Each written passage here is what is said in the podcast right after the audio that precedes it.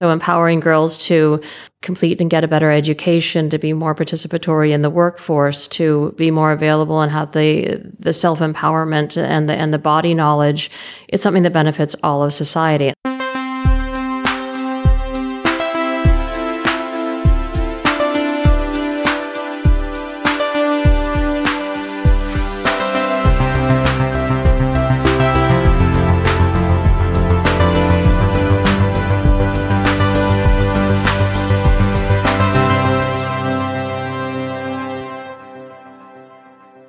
Right, welcome back to Heja Framtiden, the Swedish podcast on the future. Today I'm sitting here at my uh, kitchen studio in Stockholm with uh, Christina Ljungberg and Wendy Anderson from The Case for Her. Welcome to the show. Thank, Thank you. you very much. Wow, you really are synchronized. in most things, we are. Yes. Yeah. Great. And who wants to start making the case for the case for her? The Case for Her is a philanthropic investment portfolio and it's really addressing three key areas of women's health. We invest in menstruation, sexual pleasure, and most recently abortion access. So really the the really key women's health issues affecting half the planet that are massively underfunded. We started about a decade ago together as co-funders and really aligned with the understanding that we wanted our capital to be the most valuable capital possible and so we do that by investing in areas where others don't. And we pride ourselves on being highly risk tolerant, fast, and flexible. Nice pitch.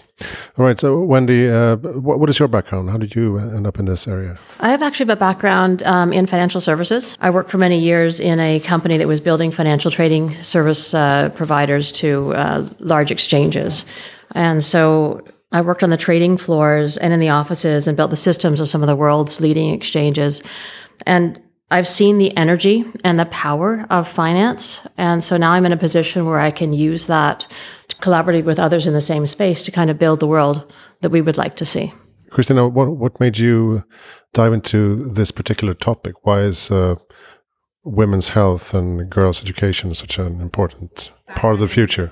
I have a background in biology and biotechnology. And I think it doesn't doesn't take long to realize that women's health is is not only massively underfunded but also under researched. And again, just really wanting to dedicate some of my time and attention to addressing some of the world's largest inequities. When you think about, for instance, menstruation, if we're going to reach the SDGs, menstruation really hits a number of those, including poverty alleviation, health, education, gender equality, water and sanitation. I could probably keep going. So, this is an opportunity to really have a catalytic impact um, across the SDGs. Why do you think that this has been underfunded historically? Uh, stigma and taboo. It's an area that um, people aren't willing to address because they're hung up regarding women's sexuality. Um, and they somehow tie menstruation to sexuality, even though it's a basic biological function. So, so what kind of investments are you talking about when it comes to menstruation? Are these uh, are there companies doing products in the area, or research in the area, or education, or all, all, all three of them? All of that actually. We've what we've done. We say we de- we've invested, but we actually deploy capital, and that's anything from grant funding and working capital loans to actually equity investments. And we started by strategically building our portfolio by learning from each opportunity to build the next one. So we did equity investments in a couple of product companies leading manufacturer in uh, reusable pads called AFRIpads and a uh, fashion forward company called Be Girl. And that led us to understand the importance of education. So then we made grant funding to a leading researcher who was producing puberty books in education and also led us to understand that the research in the area needed to be improved. So we'd done research and helped build some of the tools that are required to build the evidence that will help us to move the space forward. We also spent a lot of um, opportunity building collaborative networks and opportunities for the um, the experts in the space to get together because we really need to build the momentum. And then the last um, and biggest piece, I think, is in advocacy. We use our own voices and we use the uh, the voices of others in the space to really raise the importance of investment in menstruation. I mean, our biggest focus is really getting more funding into the space to really enable scale capital to enter into these highly stigmatized key women's health issues. So we're asking ourselves, what are the gaps? What are the questions that we need to answer? So we've been investing in menstruation for over 10 years. Now we're taking the year to really reflect on what kind of evidence has come out of our personal investing. How can we package that and share that widely with the audiences that that will start scaling the space. Mm-hmm. So, an example would be the research that we funded for over three years in developing metrics. So, metrics to measure the impact that investments are having uh, in in the space. With these metrics, we don't think that we need the metrics to measure, but the next follow on funders will need to have the metrics to measure to either report back to a government, a board. Yeah, and, and we met briefly at uh, Stockholm Impact Week uh, a couple of weeks ago. Um, but how do you how do you balance between return on investment versus uh, impact? Do you only look at the possible impact, or do you need uh, do you need your portfolio to grow as well? We think we need both. Um, for us, we're mostly interested in the impact in, in terms of the improvement in lives lived, but we know that we we believe that we need to have the financial return on investment as well to attract some of the bigger money that might be available in the space. So because of the type of investing that we've done, done or capital we put into these organizations, we have actually access to both of those sides. We can see the impact um, from a human lives perspective. We can also see from a financial perspective what money in went to financial return. And is it also that um, these companies, when you invest in them, they also get uh, more access to other kinds of capital as well. Absolutely. You can think of us as being that high risk capital that moves first, and mm. you can think of us as de risking the space for the follow on funding. And you can be using either philanthropic capital or early seed capital, all the way to venture capital. All of those instruments can be used to de risk the space for larger scale funding. Do you take an ownership or do you just provide the capital? We're extremely flexible intentionally. So obviously, making a philanthropic investment is an expected minus 100% return. Uh, we also move venture capital or equity funding. Really, it just depends on what is the best way to use funding or capital or investment to access the information, the experience, or evidence to move the space forward. And can investors uh, invest in your fund as well? Absolutely not. no, we don't take we, money. we have no interest in managing uh, anyone else's funding. And again, to just kind of get back to what we were talking about at the beginning, we really want to be the most valuable capital possible. And that includes being able to move fast and be flexible. So asking others for permission or reporting back to other investors, we're not interested. What we want to do is provide the evidence so that others see the value in what we're doing. Um, and then they also choose to enter the space of their own volition and for their own purposes. Mm. Um, we don't have any uh, any interest at all in managing a fund. Okay.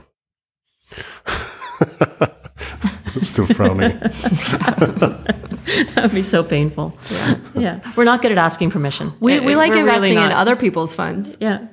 We do that. We absolutely. Yeah. That's part of our model, actually, is to invest in the funds, especially um, early and, and, emerging female fund managers who are managing um, portfolios that include female health companies, because that's an exceptional way of de-risking the space um, and showing the opportunities that are out there. So it helps our capital go farther that way. Hmm. I think one of the things that, that Wendy and I noticed after investing directly for over a decade was that if we were really going to participate in changing the system for how capital flows to female founded companies, we were going to have to move our capital upstream. So if we can write checks and enable other women to write large checks, we're kind of tripling down. So an example of that would be, as Wendy mentioned, if we can invest in a venture capital fund, for instance, one called Amboy Street out of California. If we can enable that fund manager to use our funding to then invest in female founded companies that then are starting companies that are delivering goods and services in the areas where we want more exposure, we've really tripled down. And your latest investment is uh, in Mila, a matchmaking uh, solution for matching women with the, the right therapist. Is that correct? Yep. How does that work? Why, why did you find uh, them so interesting? So, in our portfolios, we haven't done an investment in mental health until investing in Mila. And we found it interesting because it's an opportunity for us to engage in another highly stigmatized key health issue, mental health. So for us, it's it's dipping our toe in and seeing if we can learn uh, from engaging with Mila. Of course, uh, mental health is massively underserved and underaddressed and invested in. And what those founders had understood was that one of the biggest issues that we're failing, for instance, in Sweden, is that a person normally finds a therapist in one of two ways. Either they're assigned someone or they call friends and family and probably get one or two names. And so the industry standard metric is to ask how many of those relationships are still together after three sessions. And probably shouldn't quote me, but here we are. I think it's like between 50 and 75% of relationships have have been discontinued after 3. But Mila, what they're doing is they're really hacking this matching system and developing an algorithm that matches women's profiles and what they're looking for together with therapist profiles and the kind of work that they want to do. And they're finding, I mean, I think it's less than 5% breakup rate after three sessions. Yeah. Wow. Which makes the system more effective, both from a financial perspective and also from a um, an individual perspective. You're going to get the care that you need faster. And the system then has the results they need to help the matching al- algorithm move for- forward and match more people more successfully. And it's also a scalable solution, I, I suppose, that you can address people all over the world eventually. Hopefully, yeah. And help them. Mm-hmm. And you also work with, with sexual pleasure as part of your, your mission and your portfolio. Uh, why is this an important area? it's important to understand that Wendy and I are most interested in the development perspective. So, really, scalable solutions that are relevant in a global scale. So, if, if we sort of reframe it that way, the development space has really been selling sex with death and disease for a number of decades. So, for instance, if you have sex, you'll get a disease or you'll become pregnant and, and drop out of school. Uh, but really, it's an opportunity to taking a pleasure based sex positive approach to meet people where they are. Most of us choose to have sex because it feels good. So the question is, could it be by telling adolescents what they want to know, they actually remember what they need to know? And will we show a greater uptake of goods and services at local clinics, for instance? The evidence will be there. We actually supported an organization a few years ago called the Pleasure Project out of the UK, and we supported them to update a review article together with the World Health Organization, looking at the evidence across thousands of research papers. And they did indeed begin to show that taking a pleasure based abro- approach does result in better outcomes. Yeah, pleasure is the missing link between informed decision making and sexual wellness. So, putting sexual pleasure at the forefront of educational conversations allows for more holistic understanding of sex in terms of love, communication, and consent natural human desire and safety and contraception. Uh, female pleasure is consistently deprioritized in sexual encounters, and that encourages women to engage in unwanted sexual acts and exacerbates the larger scale gender inequalities. So we just feel that it's super important um, that we put pleasure first. So it's about uh, empowerment, basically. Absolutely. I mean, the evidence is going to show that it has a direct impact on not just health outcomes, but mental outcomes and economic outcomes. Yeah. Reduction in uh, STIs, uh, HIV, it's amazing. It's the smartest approach, but for some reason, it's again back to stigma. It's been so heavily stigmatized, especially with regards to women. Uh, it's it's underfunded. And everything that's stigmatized, you do when nobody's watching, in a way. Oh, that's that's wrong because you always have sex when no one is watching. It's topics that people don't want to discuss, and as a result of not discussing them, then they don't get funded um, because people are afraid to bring them up in the boardroom in the areas where um, decisions are being made on what programs to be funded, um, and then they also get dismissed around the dinner table or when uh, in the doctor's office. So these are very very important things to discuss, but we are it, it's just standard that we we avoid talking about them. So our purpose is to normalize conversations, mainstream, mainstream include it, and then we become uh, desensitized to it, so we can discuss them more openly and more accurately. Are, are you generally targeting any any specific uh, geographic regions in the world? We're not. We've made investments in the US, Europe, Latin America, Central America, Asia, Africa. And that doesn't mean that we're big. It just means these are globally relevant topics. And as we all know, innovation pops up in different places. So, do you see any particular area or um, country where the sort of quotation mark femtech uh, revolution is uh, is going faster and more is more interesting? I think femtech in um, in in Europe and, and in, in the US is proceeding because there's a little bit more disposable income, but it doesn't mean that they're not as of interest across the whole globe. Um, so there might be more capital that's coming into the marketplace, but I think interest is um, is equal. Hmm. I mean, I think Oky's a really good example, right? Yeah, Oky's a great example. Oky is um, a UNICEF app that we uh, provided funds to. We were a donor into Oky, and it's a open source library, basically an encyclopedia of puberty in everybody's pocket. It's available both on the App Store and on Google Play. It was written by girls for girls. It's in multiple languages across the country. It's um, lightweight, can work on any phone, and uh, yeah, we're actively trying to promote it so it gets spread out. How do you spell it? O K Y. Okay, why? Okay. Yeah, and any organization that partners with UNICEF and works on Oky to make it accessible in a local context, if they put that library back into the open source, it's available for the next organization. Um, and the only definition is that we don't make a profit from it. You don't use it behind a paywall. Yeah. So my daughter can download it. Your today. daughter can download it. My daughter uses it. Right. It's um, it's a gamified period tracking, but it's the access to information and the encyclopedia of information that's available, scientifically proven information. And they actually used it in Malaysia, uh, Mongolia, sorry, uh, during COVID to distribute information uh, across the community mm-hmm. about uh, precautions and treatments for COVID nineteen. I also wanted to add, you know, to your question about geography.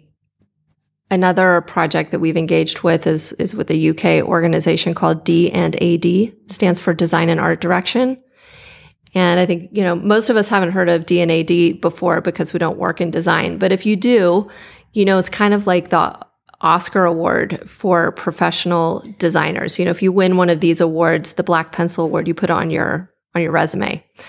They also happen to have a competition called the New Blood Awards has nothing to do with menstruation, uh, for young professionals and students. And in that instance, there are 18 different companies that write a design brief or a challenge that young professionals and students can answer as a way to gain experience. Sometimes it's used as part of the curriculum, and then they can have something for their portfolio. So we put out a brief together with McKinsey Design a few years ago, challenging the audience to address global menstrual stigma or breaking global period stigma. And of course, we have no idea where these answers or submissions are going to come from. Well, we had over 30,000 individuals engage in our competition and many hundred submissions from over 117 countries where there was interest in really addressing this issue.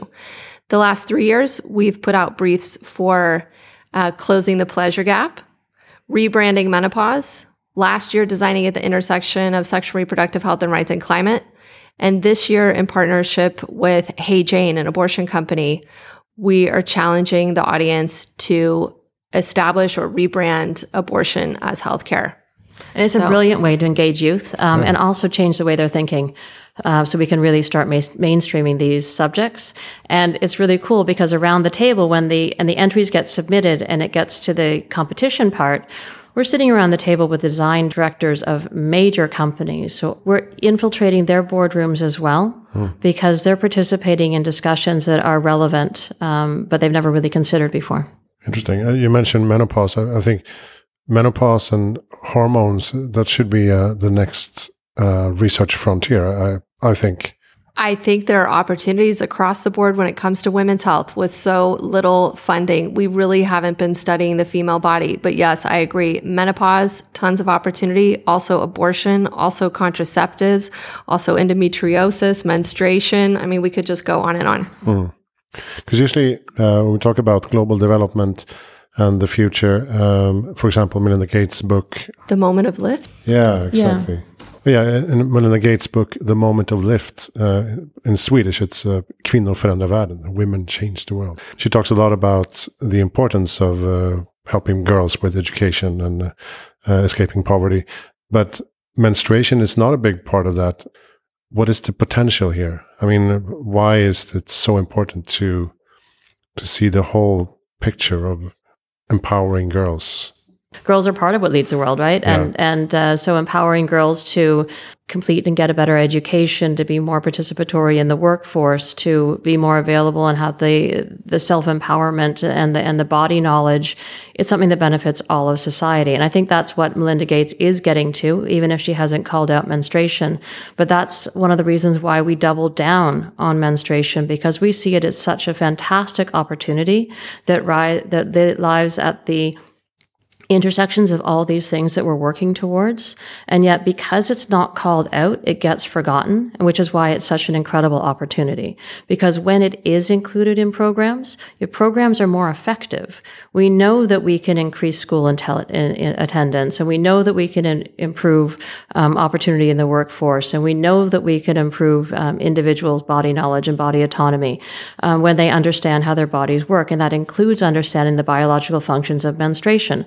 So, what we're asking for is for people to apply what we're calling a menstrual lens and really consider menstruation in the programmatic funding that they're already spending because you're going to be more effective and reach your goals more effectively and, and sooner.